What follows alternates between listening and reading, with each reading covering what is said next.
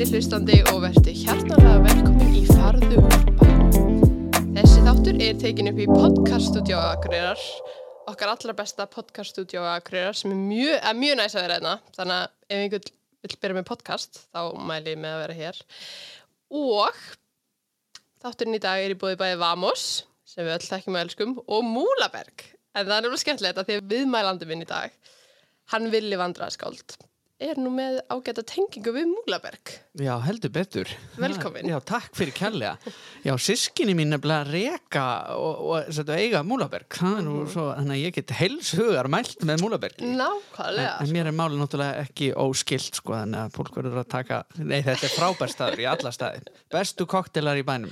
Það er alltaf þannig, sko. Ertu mikið að fara þarna? Já, þetta er eiginlega bara, ég sko. náttúrulega, það hjálpar ekki, sko, ég bý hinum einu við götuna. Já, þannig að það er stutt á, þetta er svona hverfis pöppin minn líka og stutt úr leikúsinu og þannig að þetta er bara mjög þægilegt.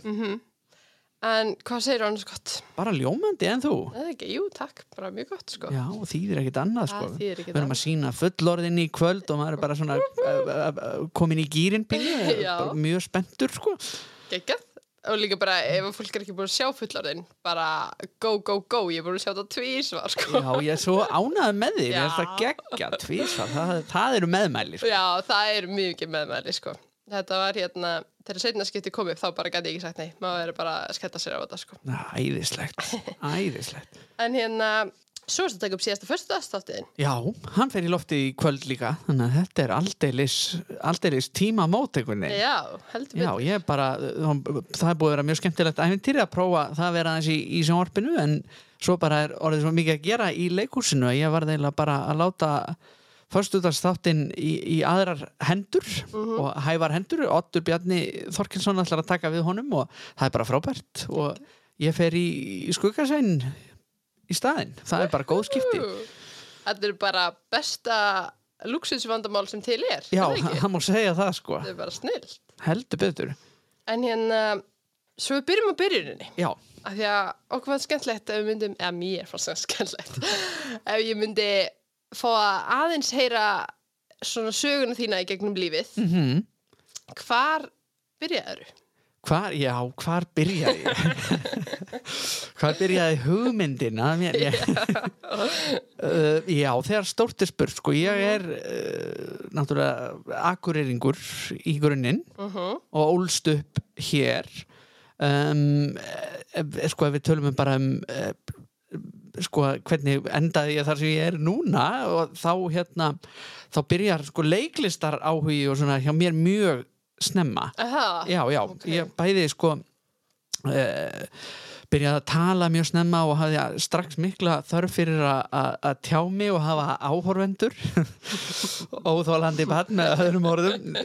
Nei, en sko en ég var líka svona taldi skrítið barn eða því ég var strax með mikinn og svona gamaldags orðaforða fyrir lítið barn og, og svo eiginlega var það ekki aftur snúið eftir að ég fór með pappi er að sunnan og við fórum alltaf og vorum svona eina, tvær vikur á sumrin í Reykjavík hjá ömmu afa og í fyrsta skipti sem ég fór í leikús þá var ég fjögur ára og fór í þjóðleikúsið að sjá dýrin í hálsaskógi. Og Og, og, og þetta er saga sem er mjög oft rifjuð upp í, í fjölskyldumatabóðum og svona að, að, þegar ég geng inn í þjóðleikúrsalinn fjögur ára gammal að þá svona baða ég út höndum einhvern veginn staðnæmist þannig að enginn kemst fram hjá mér og segi drottin minn, leikússalurinn mjög eðlilegt fyrir fjögur ára barn og ég er ekki oh heldur god.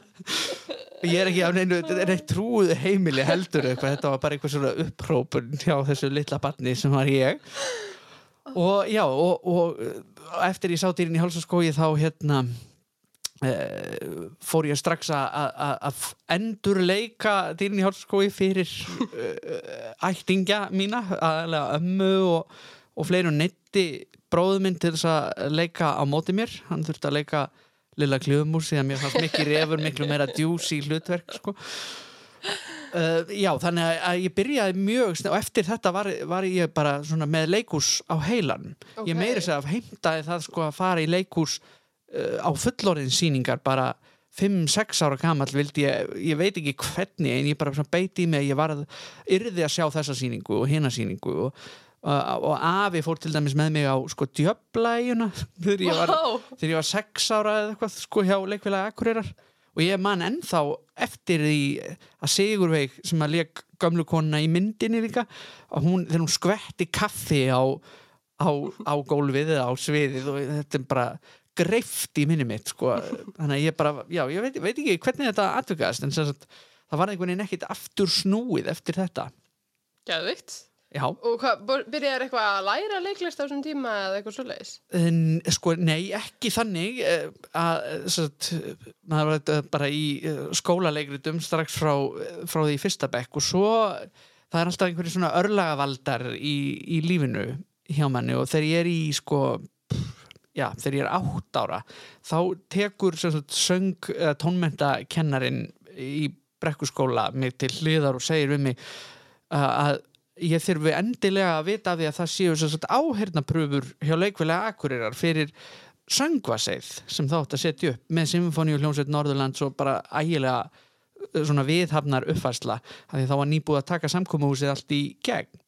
Og ég fór í þessar pröfur og það fór þannig að ég sagt, landaði hlutverki í, Vá.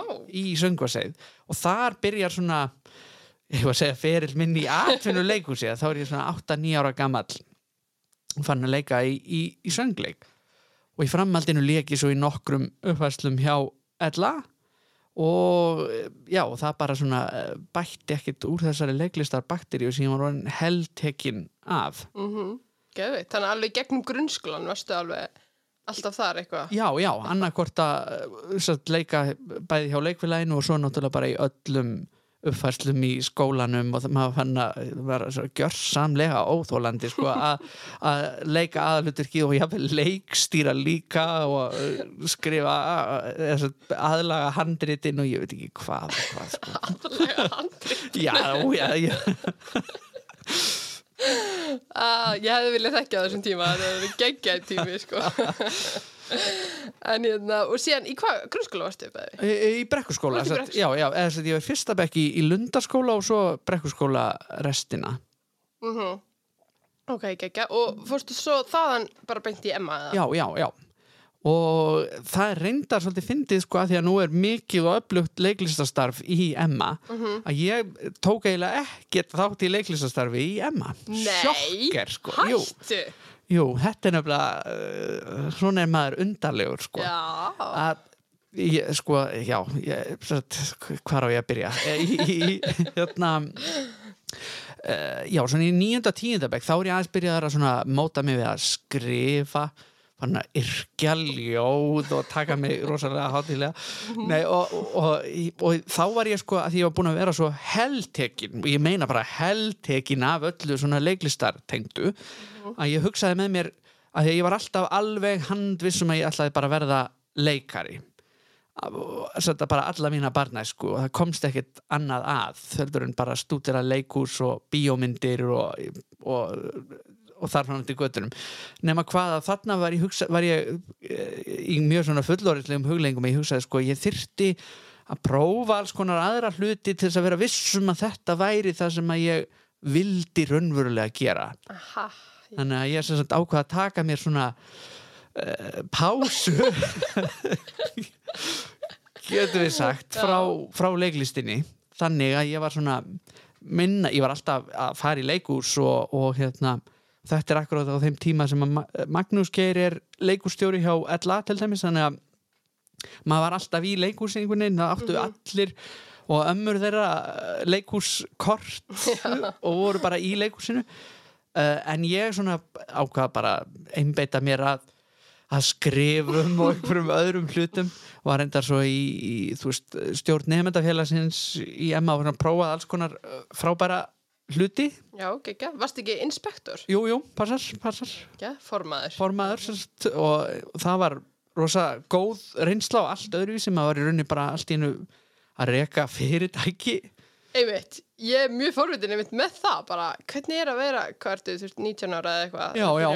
mm og þú ert bara eitthvað að reyka eitthvað fyrirtæki með fullt einhverjum krökkum. Já, basically. Og það er í rauninni ótrúlega skrítið svona þegar maður hugsar tilbaka og, en frábært samt að þetta sé hægt að, að maður er að halda sko ársatíð sem kostar margar, margar miljónir í íþróttaöllinu og, og við erum bara að skipulegja þetta og, og það er bara allt í gúti, sko, eða ég meina auðvitað er, veist, er einhver svona félagsmála ráðunautur sem var Unnar Vilhjámsson í okkar tilfelli sem var svona satt fundi með okkur og, og kannski svona eh, hefði gripið inn í ef allt væri að fara í skrúfuna en, en, en frábær reynsla sem að hefur nýst manni ótrúlega vel í svo mörgu.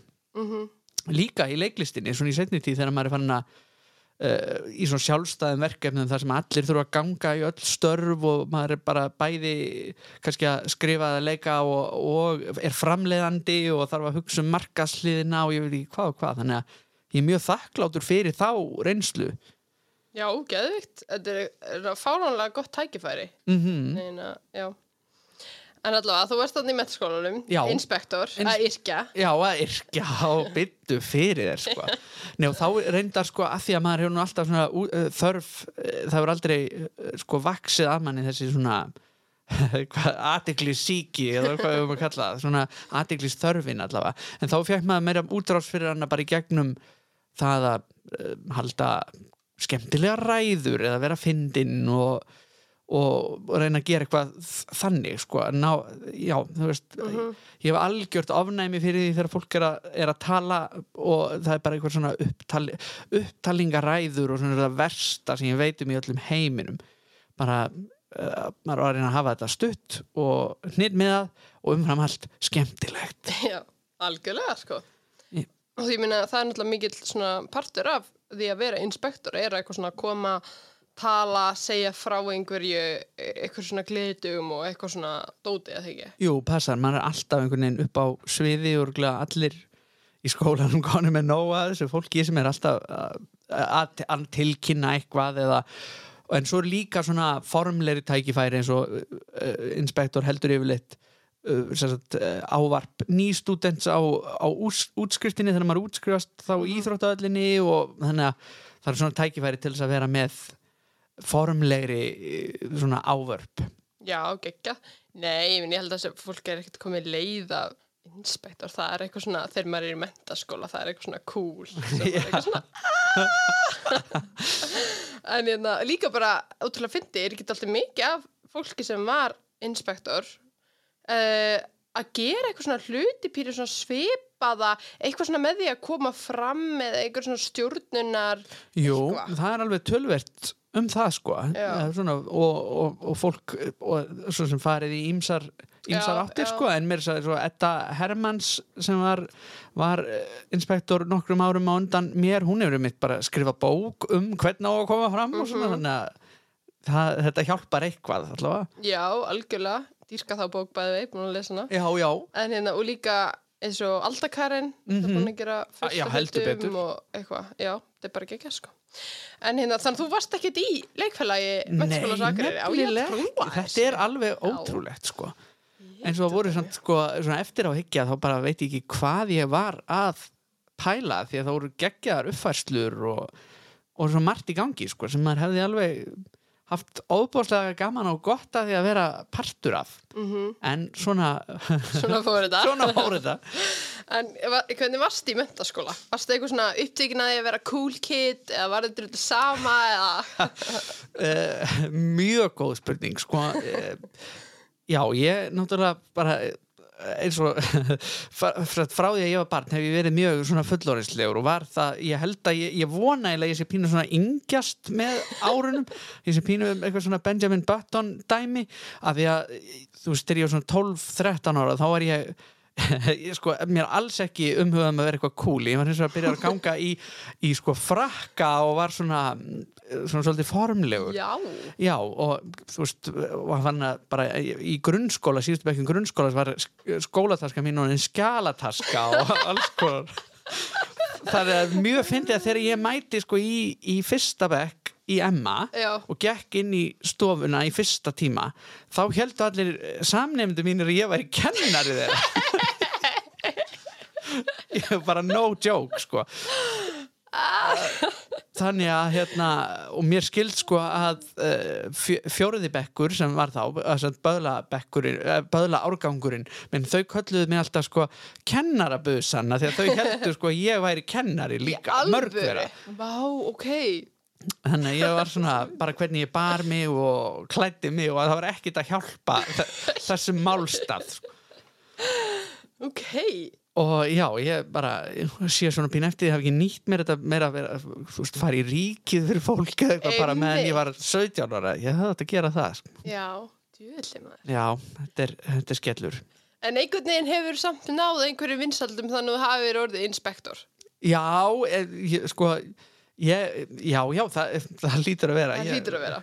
Ég riggaði ekki bara kostningunum Þú þóst vera kostningarstjóri Já, já. Og einhvern veginn, já. Atkvæðin voru talin í norðvestur kjördæminni En þú veist, hvernig fó- varstu þess að þessi nefandi allan mentaskólan þessi í skjálþöskunni og frakkanum og varstu alltaf pínu svona uh, að skilja þig að frá hópnum eða varstu ég, Nei, nei, þú veist, ég var alltaf þú veist, sko Já, ég, ég bara, ég veit, veit það ekki. Svona, þetta er mjög góð spurninga ég held að ég hef aldrei verið eitthvað svona uh, markvist að pæli því þú veist, ég er þessi típa. Ég bara svona gerði það sem ég mér fannst það rétt fyrir mig á hverjum Geggjað. tímapunkti. Og, og var svona einhvern veginn já, þú veist eh, eh, trublaði mig aldrei neitt að standa svona eitthvað út úr hópnum en alltaf samt átt sko samleið með held ég flestum. Mm þannig að hérna en virkulega fullt af fólki sem var bara eitthvað, oh, kemur hann Nei, mér finnst það geggja sko. Það er þetta, ég held að sé ekkit margir nefnendur í mentaskóla sem að ná einhvern veginn að vera drullu sama þó þeir sé ekki alveg eins og allir hinnir Fattar mig? já, já, nei, al, þetta er náttúrulega svona erfiður aldur Já. að mörguleiti að því maður er bara veist, gangi í gegnum svo margt og einhvern veginn að Allt vandræðalegt. All, það er allt vandræðalegt og maður er að reyna að skilja sjálfan sig og alla aðra einhvern veginn í leiðinni og það er bara stundum mjög erfitt að balansera þetta. Það er geggja, ég er ánum með þið sko. Já, og já, hérna, svo útskrifastu mm og hvað árið er það sem þú útskrifast? 2000 og það er svo langt síðan sko. Það er 2008 Ok, nice, það er góða ár. Já, já. Og hvað tekur við þá? þá, ég tók mér fyrst sko ár þar sem ég var uh, að vinna bara. Mhm. og svo sagt, sko ég var var alltaf uh, að pæla svona hvernig þarna var svona aðeins bara að kýtla mig aftur sko uh, leiklistinn en ég var ekki sagt, bæði að leik en líka bara ég var fann að skrifa svo mikið og langaði að finna því einhvern meiri farveg. Og akkurat þetta ár sem að hérna ég tók mér í pásu þá eða árið eftir þá sagt uh, talar Greta Kristín Ómarsdóttir vinkora mín við mig sem er sko, hún er hvað, tveimur eða þremur árum yngri en ég og eh, sagt, við kynntumst í Emma og við sagt, ákveðum að stopna leikhóp á, á Akureyri sem að eh, heitir og hétt leikhópurinn Þykista. Og, og, og Greta sagt, bað mig um að skrifa leikrit fyrir hópin sem hún að leikstýra og sem ég og gerði. Og það var satt, fyrsta leikriti sem ég skrifaði í, í fullri lengt og Greta satt, bað mig bara um að skrifa leikrit og eina sem hún bað mig um að hafa satt, í hug, hugkvæmt var að þetta ætti svona tengjast Palli var einn í heiminum á einhverju leiti þess að við vorum með þessa setningu Palli var einn í heiminum og svo var bankað. Aha, og, og Já. úr þessu var sagt, til leikrit sem að heitir einfallega og svo var bankað og við sagt, fengum styrk frá Akurerbæ til að- setja þetta upp og síndum ég man ekki 10-12 síningar í deglunni. Já, geggja. Bara frábært og ég lék í því líka og, og, og bara mjög góður hópur sem myndaðist í, í kringu það og svo í framhaldinu þá hérna fengu set, gerði þykist að aðra síningu í set, búð sem þá hétt frúin í Hamborg sem var svo flóra Já, já, í því húsi og hérna þá gerðum við svona devæst síningu sem að Hannes Óli Ágússon leikstýrði og stýrði okkur í sem hétt uh, úrkynja verur og fjallaði svona um uh, já bara kynja pólitík og í rauninni sko Greta hefur náttúrulega alltaf verið svona pínu á undan uh, sinni samtíð sko hún, hún var einhvern veginn að þetta er hlutir sem eru svo mikið í umræðinni núna og það eru þú veist tíu ár síðan að við gerðum þá sýningu. Já, og, já, og við vorum svona bara að greina, greina kyn hlutverk og á mjög svona frumlegan og skemmtilegan hátt í, í þeirri sýningu. Vá, frábært. þannig að já, og svo sem sagt, um, meðfram þessu þá um, er ég að skrifa alls konar og ég ákvað að taka uh, til þess að gera eitthvað, ég var ekki einhvern veginn búin að ákveða hvernig, hvaða vinkil ég ætla að taka á þessar leiklistarpælingar allar, að þá sagt, skráði ég mig í, í námi HÍ tók sagt, fór í, í bókmyndir og enskar bókmyndir og, og, og klár, endaði á að klára þá gráðu bara Vá, ok, þannig að ég er með B-gráðu í því líka ok. Byrju, fluttir þú þá söður? já, já, það var ok. þá í Reykjavík Já, já, já. og hérna en var allan tíman sko að, að pæla hvað og hvernig sko að því bæðir leitaði hugurinn út til sagt, London mér langaði alltaf svona kýtla með einhvern veginn leiklista menningin í Breitlandi hefur alltaf átt rosalega svona uh, mikið sess í hjarta mínu og meira heldur en kannski eh, mér finnst einhvern veginn á Íslandi skiptist leikúsfólk eiginlega í tvær fylkingar þannig annarkvort sko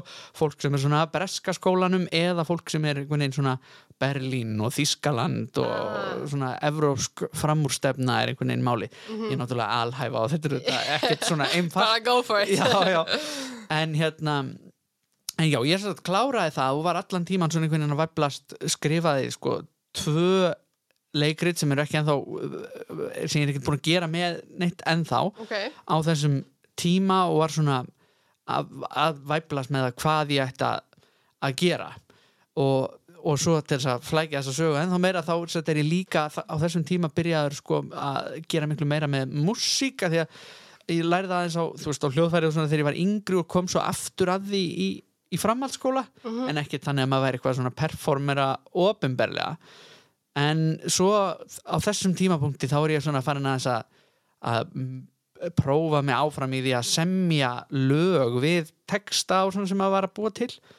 Þannig að það flétta svo einhvern veginn saman í að að ég ákveð svo endanum að þegar ég er búin með þessa bíagráðu í, í, í bókmyndunum að, að ég verða að, sko ég get ekkert setja á mér lengur með þetta, þessa leikúspælingar og það verður til þess að ég ákveða sækjum uh, að því að ég var svo mikið að skrifa og ég var eiginlega alveg orðin aðhugaði að mér langaði til þess að verða svona hefðbundin leikari.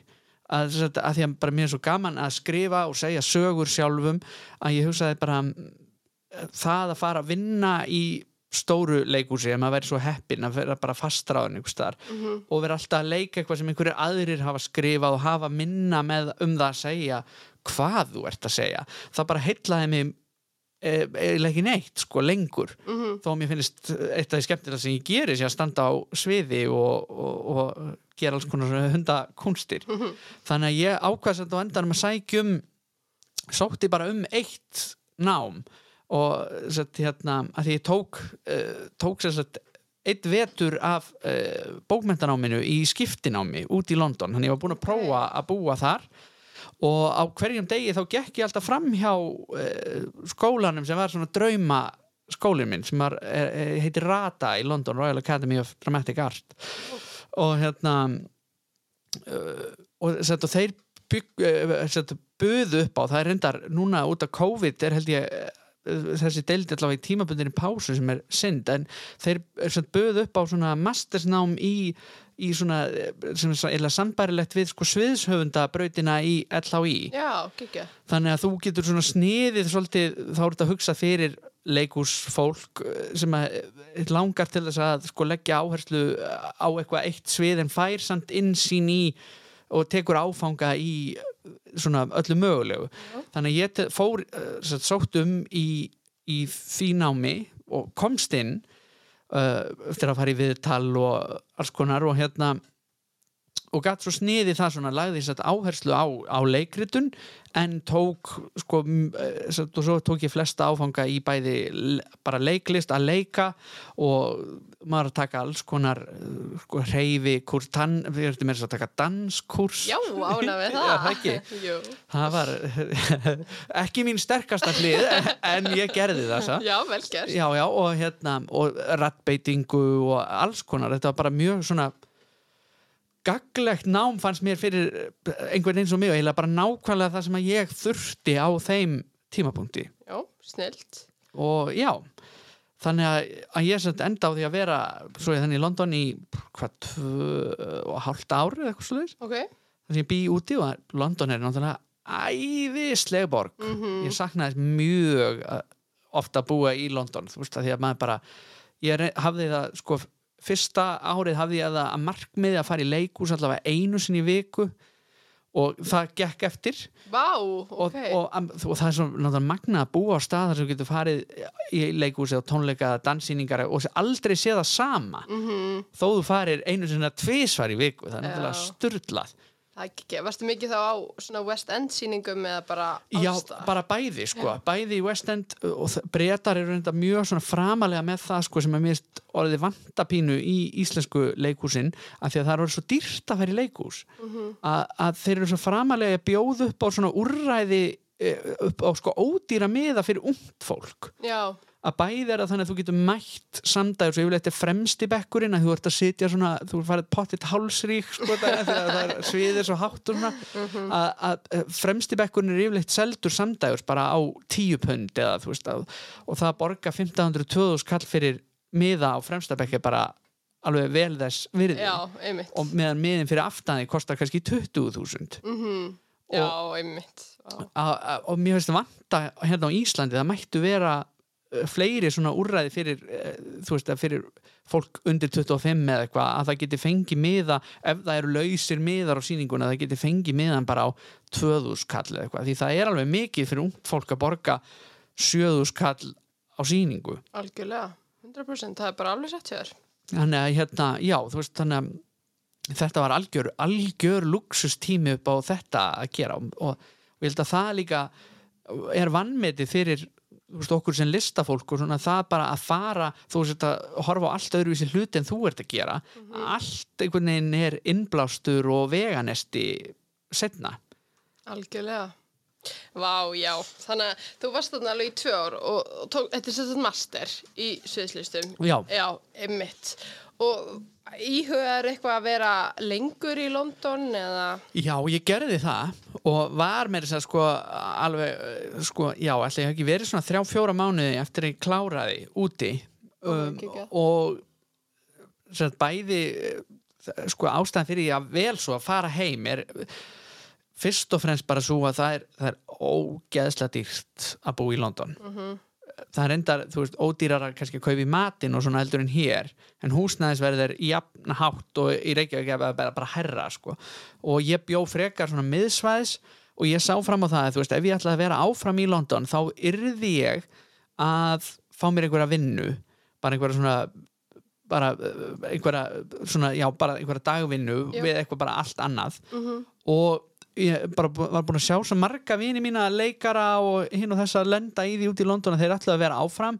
Fengu sér einhverja vinnu til þess að geta borga af húsnæðinu og svo höfðu þeir ekki tíma til þess að mæti allar pröfurnar og það sem þeir langaði til þess að gera úti af því þeir hluta að vinna svo mikið til að eiga efna á að bú í borginni. Ah, Já, þetta er svo mikið klikkun, sko. Já, þannig að þetta eh, svona eh, verður vítar hringur hjá ótrúlega mörgum. Mm og ég hugsaði mm, það væri betra fyrir mig að og þú veist, kosturinn við Íslandi náttúrulega, þetta er það lítið samfélag bara í heild að þú átt meiri séns, það er miklu auðveldar að ná á toppunum í hvaða bransa sem þú ert í hér heldur en úti Mhm. þú veist, þú hittir alltaf bara leikustjóra úti í bónus eða Akkurat. hvað sem það er sko. þannig ég veist að mér væri betur borgið að, að koma heim og sjá hvað gerist og svo getur maður alltaf farið út aftur Mhm. og mér langar ennþá að fara út það væri rosa gaman að geta verið með annan fótinn einhvers staðar í útlöndum Já, algjörlega. sérstaklega eftir COVID þegar enginn er búin að ferðast og mann dreymir um að komast til útlanda Algjörlega. Uff, sko. Þannig að þú flytur bara til Akureyrar? Já, eða? já. ég flutti sér bara heim til Akureyri ætlaði bara svona spara mér uh, leigukostnað og, Mhm. og, og, svona uh, bara meðan maður væri að ná áttum eftir að maður Algjörlega. kemi heim uh, bauðst með þess að kenna bauðst svo hlutastarf upp í Emma að prófa að kenna svo rosa gaman að prófa þó að uh, að svona, ég, veist, leiklistin eigi það mikið hlut í manni að þú veist, að ég myndi aldrei vilja skipta sko, Mhm, en þá geggja gaman að prófa það. Og svo sem sagt á svipuðum tíma þá flytur vinkona mín Cecilia Ólastóttir, hún hefði verið í leikaranámi úti í London líka leiklistanámi og hún er að flytja heim bara flytja heim örgulega mánuðið að tveimur á undan mér. Og, og við eh, höfum verið vinir frá því Emma og við erum svolítið eitthvað bara að ræða það að fyrst að við séum nú bæði flutt heim þá ættum við nú kannski bara að sækjum styrk fyrir einhverju verkefni því það kemur mann einhvern veginn alltaf jafn mikið á óvart að ég held sérstaklega þegar maður er búin að fara í eitthvað nám og svona þá held þó maður eigi að vita betur þá trúi maður því svona innstinni að það sé alltaf einhver að býða eftir manni. Mm, að það sé bara eitthvað svona einhver sem herruðu þú varst að klára þetta, hér er tækifæri fyrir því og þetta er það ekki þannig það er eiginlega sama hvað þú gerir, maður þarf alltaf svona að bera sig eftir björginni held ég. Og, og við erum satt bæði fluttana heim og sjáum upp, auglýstan styrk hjá uppbyggingarsjóði eða eyþinga hvað sem það hét á þeim tíma. Mhm, og við satt sækjum um uh, styrk fyrir leiksýningu sem uh, að við hérna ætluðum, þar sem við ætluðum að reyna að greina svona hvernig, af hverju íslenska þjóðin er eins og hún er. Og við bara vorum ekki búin að semja sýningun eða neitt, heldur byggum bara til umsóknina og okkur fannst þetta hljóma skemmtilega. Mhm. Skiluðum henn inn, svo líði einhverju mánuðir og við fáum allt í einu styrkin Vá, geggjað. frábært, nema þá allt í einu var bara hvað skrifuðu við í þessa umsókn? Þurftum að fara að rifja það upp. Og en þá ætlum við að vildum við meina að það mætti útskýra af hverju íslenska þjóðin væri og hún er að því að við erum komin af annars vegar keltneskum þrælum og norskum skattsvikurum. Og, og, úr, og úr þessu var þess að svona revja sem hétt útförsa ambáttar og skattsvikara og það er eiginlega út frá því sem að sko þerri sýningu því að við settum hann upp uh, á svona baðstoflofti á að bryggjunni veitingastæðinum hérna á Já, Akureyri. ok. upp á efri hæðinni, það er svona Já, já, geggja baðstofloft þess að kemur svona 60-70 manns. Mhm. Og við sagt, þessi sýning var bara ég og Sessi, piano og gítar og við að leika einhverja svona ég leik skattsikaran og hún leik ambáttina og við vorum bara svona að segja sögu þjóðarinnar eh, já, á svona okkar hátt.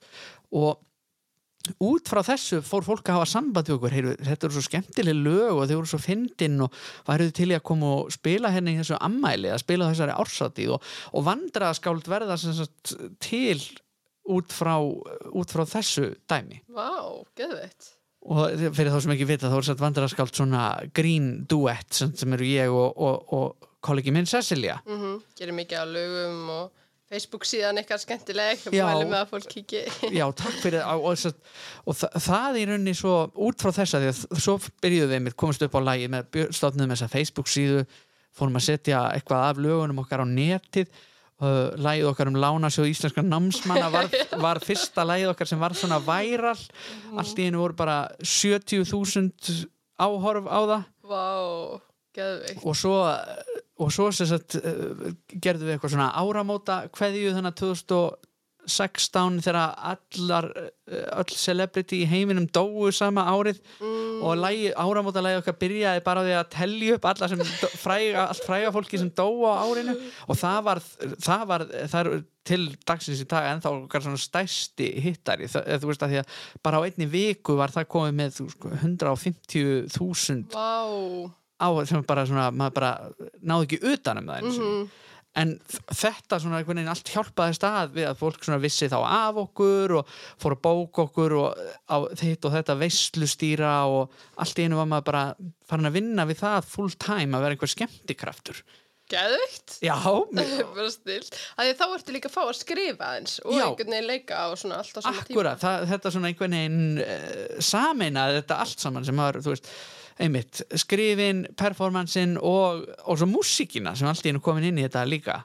Frábært. Og er, er þetta bara eitthvað sem er búið að ganga bara síðan þá? Já, já, það er svona Sessi er endar búin að vera svona upptegnar í, í öðrum verkefnum þannig ég hef svona meira svona síðastlið kannski eitt og hálft ár verið að veistu stýra á svona bara solo Mm en hérna, en þetta er bara búið að ganga síðan Gjöðveitt. uh, svo, byrju þetta nú veði ég hérna einu í það.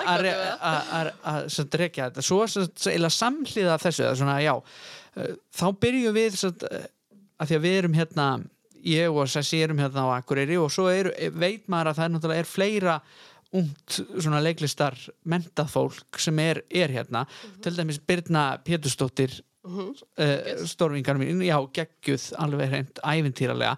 Og hún er hérna fyrir norðan.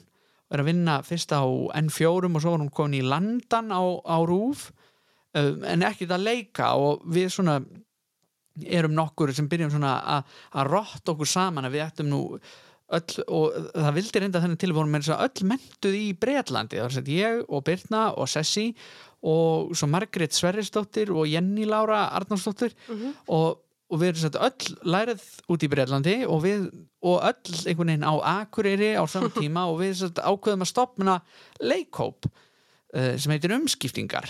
Og fyrsta verkefni umskiptinga var þannig 2017 bara svona ári eftir að við Sessi gerum uh, van, fyrstu vandrarskálda sýninguna og við semjum uh, í rauninni eitt verk sem er samt eða þrýr einleikir sem að tvinnast saman. Ok. uh, sem að ég, Birna og Sessi skrifum og Margrét leikstýriði og Jenny framleiti hún var þannig kasólétt og gæti ekki eh, leikið með okkur.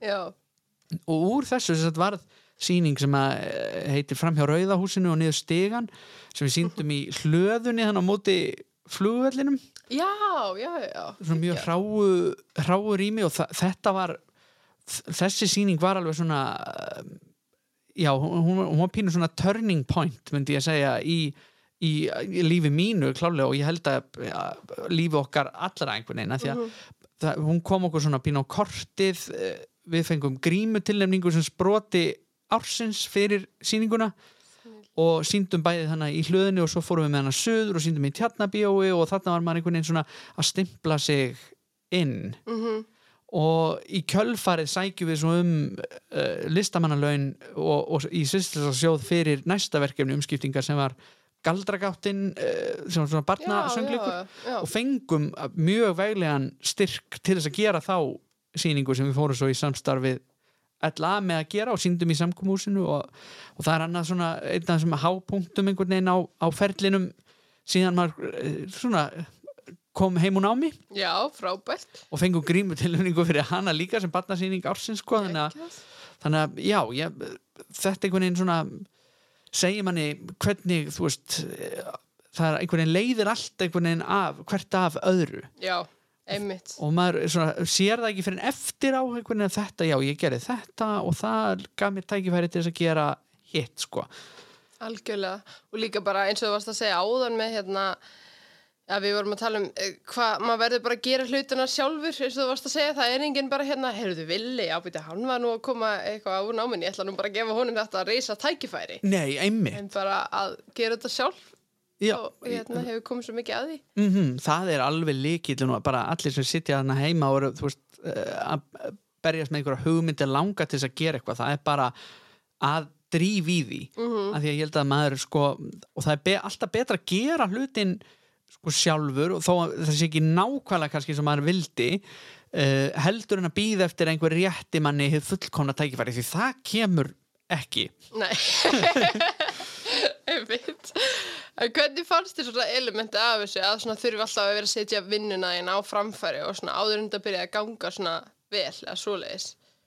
Sko, já, það, það er daldið um, það er daldið, sko, sem en leiði sér að sletta það er pínu skeri, sko, og, og bara taugatrekkjandi að gera það. Sérstaklega sko að því að þegar maður er að leika eitthvað sem einhver annar hefur gert að þá er, þá er þetta alltaf með þann skjöld einhvern veginn eða þú veist, auðvitað getur maður staðið sér illa sem leikari bara, en það er einhvern veginn meira í húfi þegar þú samdir það sem þú ert að segja. Þú veist, sérstaklega ef þú ert er eh, að fara með eitthvað grín eða eitthvað, ef fólk hlær ekki þá er það bara meiri áfællistómur yfir þig heldur en ef það eru línur sem einhver annar skrifaði. Þannig að, að því leiti til sko það sem ég strögglaði kannski mest við var þegar maður fór svona að afhjúpa sig sem tónlistamann. Já, að mér fannst það einhvern veginn svona uh, mér fannst það rosa erfitt fyrst og, og finnst það sko eiginlega ennþá að því að ég verið að semja líka svona tónlist sem er ekki grín. Já, og spilaði þetta, var að spila á hérna, tónlistafestivali á Græna hattinum um daginn, haustillu.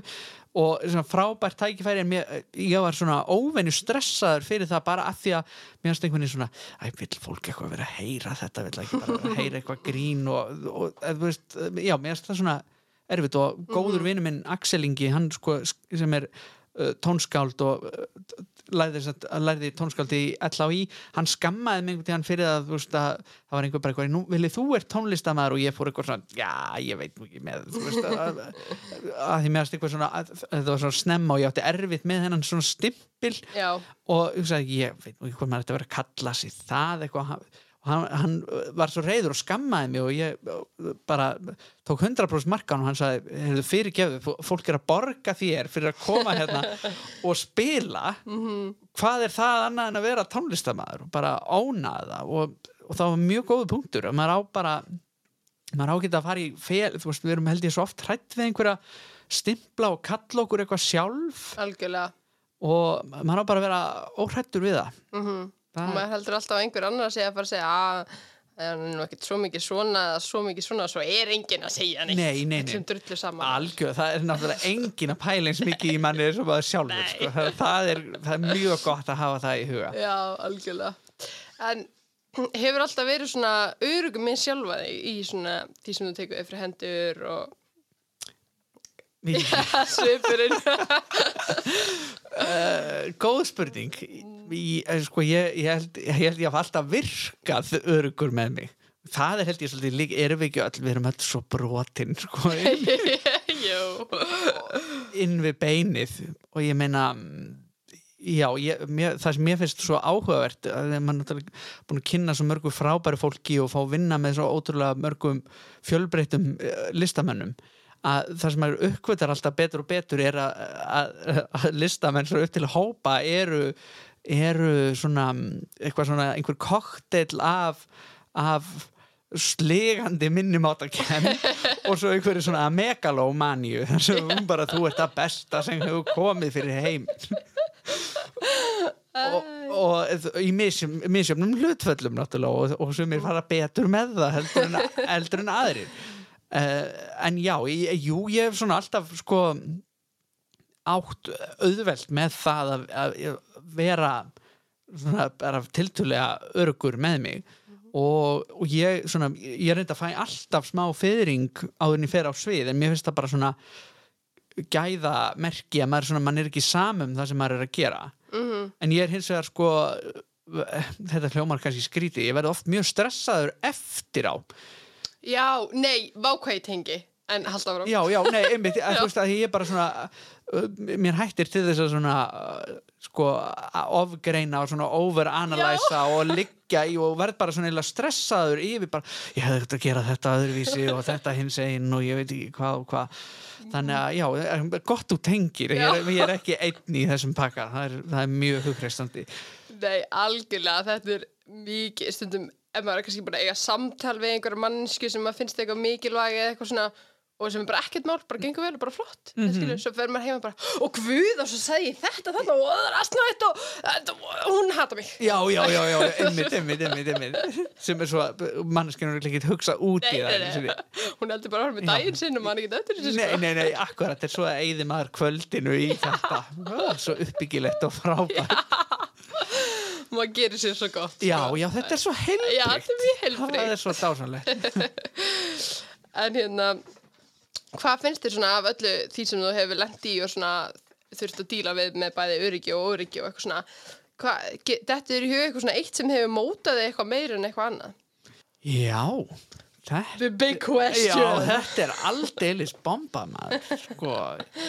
Mm, já, þegar þú spyrir svona stórt sko, Mhm. eitthvað eitt sem er mótað mann meira heldur en e, já sko e, kannski ekki svona einn, einn hérna uh, það er kannski ekki eitthvað eitt svona defining moment en svona með tímanum þá hefur maður svona lært mér finnst ég vera svona eh, komin á betri stað núna með að maður er einhvern veginn farin að sko læra og kunna það sko bæði a að taka gaggrinni og nýta sér hana og b en ekki gefa afslátt af sinni sín Akkurat. já, og, og bara að því að maður getur svo auðveldlega lendi og ég held að margir ungir listamenn lendi í að sko að þeir langar að gera hlutina á einhvern hátt svo kemur einhver uh, hver sem það er og segir þú voru að gera þetta svona og svona.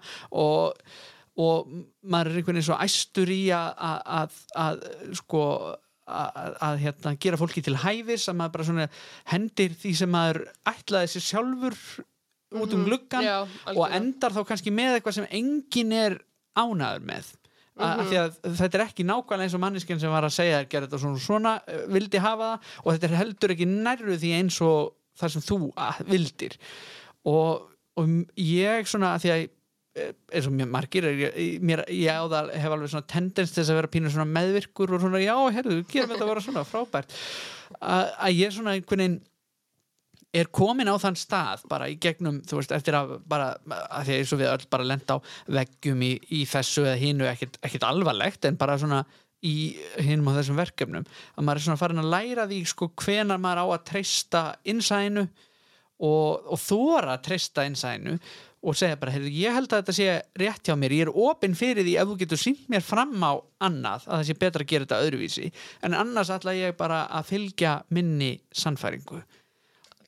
Það er mjög gott. Það er líka miklu betra að vinna með þannig fólki sem er bara örugt á sín og þú eru að standa með sér heldur en að vera eitthvað ég hef alveg dætt í þá gröf líka að vera eitthvað svona að reyna að plýsa þann sem er yfir Já, já, það já. er bara ekki gott fyrir neitt Nei, eða þú veist, já eins og Ah, þú segir, bara loka útkáfa Akkurat og, og, og, og svo vond líka að því maður hefur alveg lent í því í, í fortíðinni að sko uh, að segja ekki eitthvað þegar að segja, einhver segir við gerum þetta bara svona og þegar maður hafi tækifæri til þess að segja heyrðu, mér finnst reyndar þetta að sko í staðin fyrir að segja eitthvað að vera að burðast með það eitthvað í hljóði og það grasserast einhver svona óanæja og gremja og það er svo von mm sérstaklega eins og í, í þessum bransa eins og í leikúsinu þar sem að það skiptir svo miklu máli að það sé einhvern veginn traust að því að maður er að vinna svo náið með fólki og, og þetta þarf einhvern veginn að vera svo opið og, og heiðarlegt Algjörlega, 100% En uh, þú ert mikill hlaupari er Já, ekki? jú, Hlaupið mikið? já Hefur ég, alltaf verið þannig? Nei, nefnilega ekki sko. Nei, ok. Já, ég svona uh, átti eitthvað svona uh, helsu awakening fyrir nokkrum árum bara og þá einhvern veginn tók ég, ég aldrei hlaupið nýtt að ráði fyrir en þá sko. Ok, og, en síðan þá er ég nú er þetta eiginlega honum fíkn hjá mér. Ég er eiginlega bara ómögulegur ef ég er kannski ekki endilega að hlaupa en ef ég næ ekki að hreyfa mig eitthvað yfir daginn þó ég ekki nema bara göngutúr eða eitthvað þá en verð ég bara ómögulegur í skapinu sko. mhm. En, en ég reyna að hlaupa svona fimm sinnum í viku. Vá, ok, það er metnaður sko. já, En hvernig heilsu awakening, hvernig bara ég bara búin að vera sko, ég haf búin að vera svolítið þungur og, og hérna og já, svo þú veist eins og Uh, já, ég, bara einhvern veginn allt lagðist á eitt að ég bara svona hugsaði maður verður bara mm, að gera eitthvað uh, betur. Og, og, og svo by- byrja reyla með því, þú veist, ég fór, fór að ganga rosalega mikið og svo bara í framhaldinu fór ég að hlaupa og, og svo einhvern veginn var ekkert aftur snúi allt í að maður farin að keppa við sjálfan sig sko að bæta tíma og er ennþá í þeim pakka alltaf að reyna að hlaupa hraðar og hraðar og, og svona, en maður gerir þetta fyrst og fremst fyrir, fyrir sjálfan sig sko. Mm Ekki?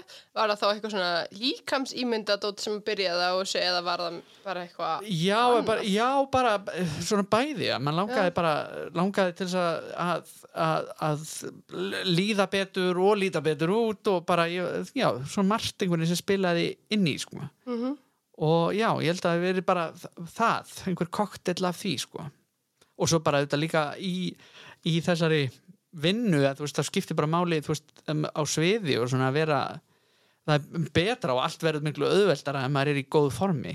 -hmm. maður finnur það sérstaklega svo í sýningum eins og þegar vorum að sína galdragáttina og svona þar sem maður þarf að syngja og dansa og svona það er, að, að, það er líka svona eh, það kom mér á óvart að því þá var ég í mjög góðu hlaupaformi. Að það er ekki það sama að vera í góðu hlaupaformi og vera í góðu dansformi og geta Nei. dansa og sungið á sama tíma, það er bara eitthvað annar dæmi.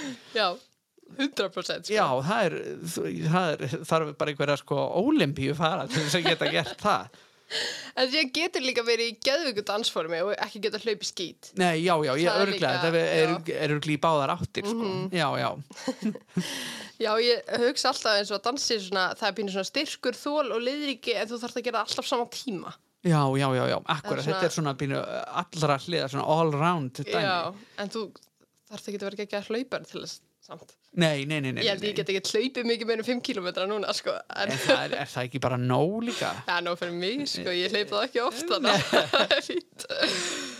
En heyrðu, vá, bara takk hellega fyrir að koma og tala við mig og þetta var bara snilt. Já, bara takk fyrir mig, mín var ánægin, ég vona að fólk sé einhverju nær Já, algjörlega.